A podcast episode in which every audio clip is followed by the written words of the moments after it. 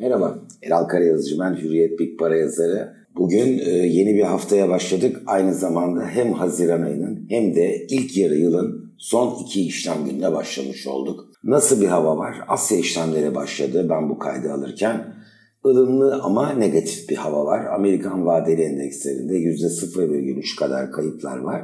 Yine Cuma günü e, Amerika'nın e, kötü kapanışının yansımasıyla Asya borsalarının da bu e, işte e, akımın etkisi altında negatif bir fiyatlama yaptığını görüyoruz.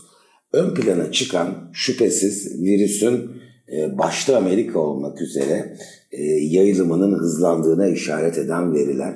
Fakat son iki günün dataları her ne kadar iki günle sevinmek, umutlanmak yersiz olacaksa da virüsün yayılım hızında görece bir azalma olduğuna işaret ediyor. Ancak şu anda genel trende bakılıyor ve yeniden ekonomilerin bu normale yönelimini kesecek, bloklayacak, geriye götürebilecek bir aşamaya oluşur, e, ulaşır mı virüs diye bir kaygı var. Tabelaya baktığımız zaman aslında biz e, geride bıraktığımız 3 hafta e, Borsa İstanbul özelinde Türkiye piyasalarının net pozitif ayrıştığını gördük. Neden Borsa İstanbul özelinde dedim Türk lirasında aslında biz bir ayrışma görmüyoruz.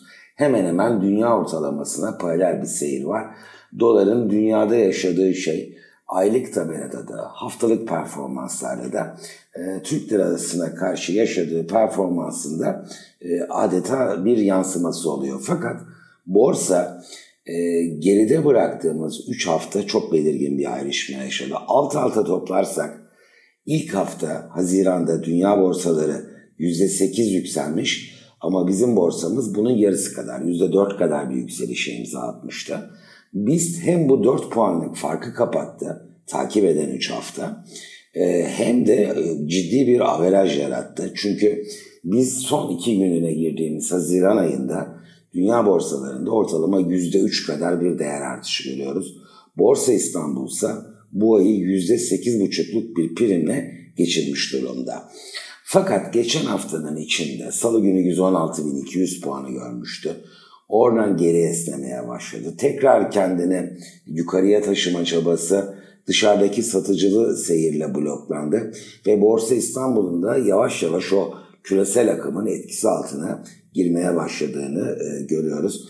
Ben önümüzdeki haftalarda yeniden hele de bu kadar belirgin şekilde Borsa İstanbul'un ayrışmasının güç olduğunu daha dünyaya paralel bir seyrinde e, bence masada şansı en yüksek senaryo olarak ön plana çıktığını düşünüyorum.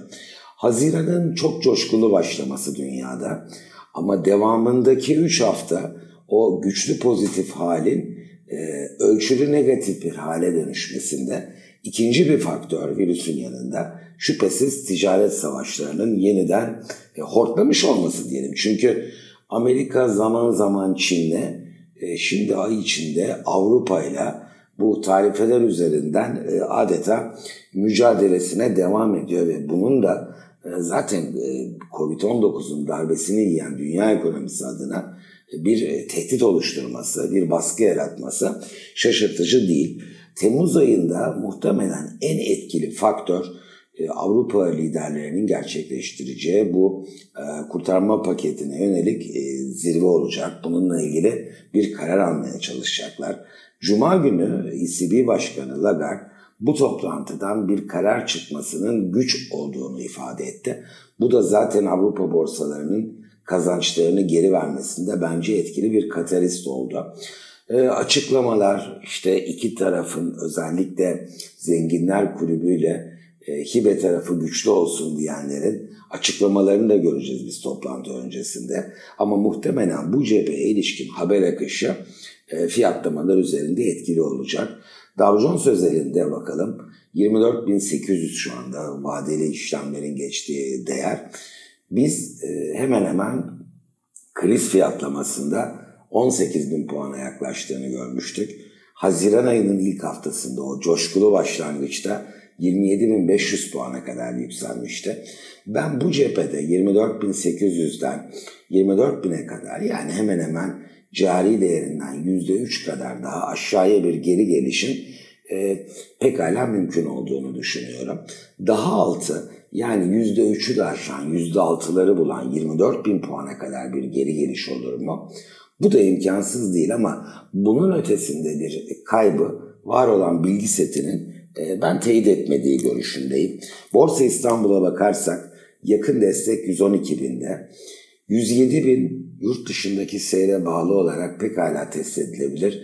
Aslında bir bağ oluşturmak istersek işte Dow Jones 24 binle yetinmez de 23 e, bin puana yaklaşacak olursa o zaman biz Borsa İstanbul'da da 107 bin e, desteğinin gündeme gelebileceğini ifade edebiliriz ki bence bu gerçekleşirse dikkate değer bir alım fırsatı olur. Yeniden 100 bin görür mü Borsa İstanbul veya Dow Jones 23 bin puanın da altına gelir mi? Hatta 23 bin 300 diyebiliriz biz buna. Ben açıkçası bu riskin olasılığını düşük buluyorum. Finansal piyasalarda her zaman her senaryonun bir şansı vardır. Ama gördüğüm şey piyasalar önce krizden çıkışın kutlamasıyla kuvvetli bir ralliye imza attı.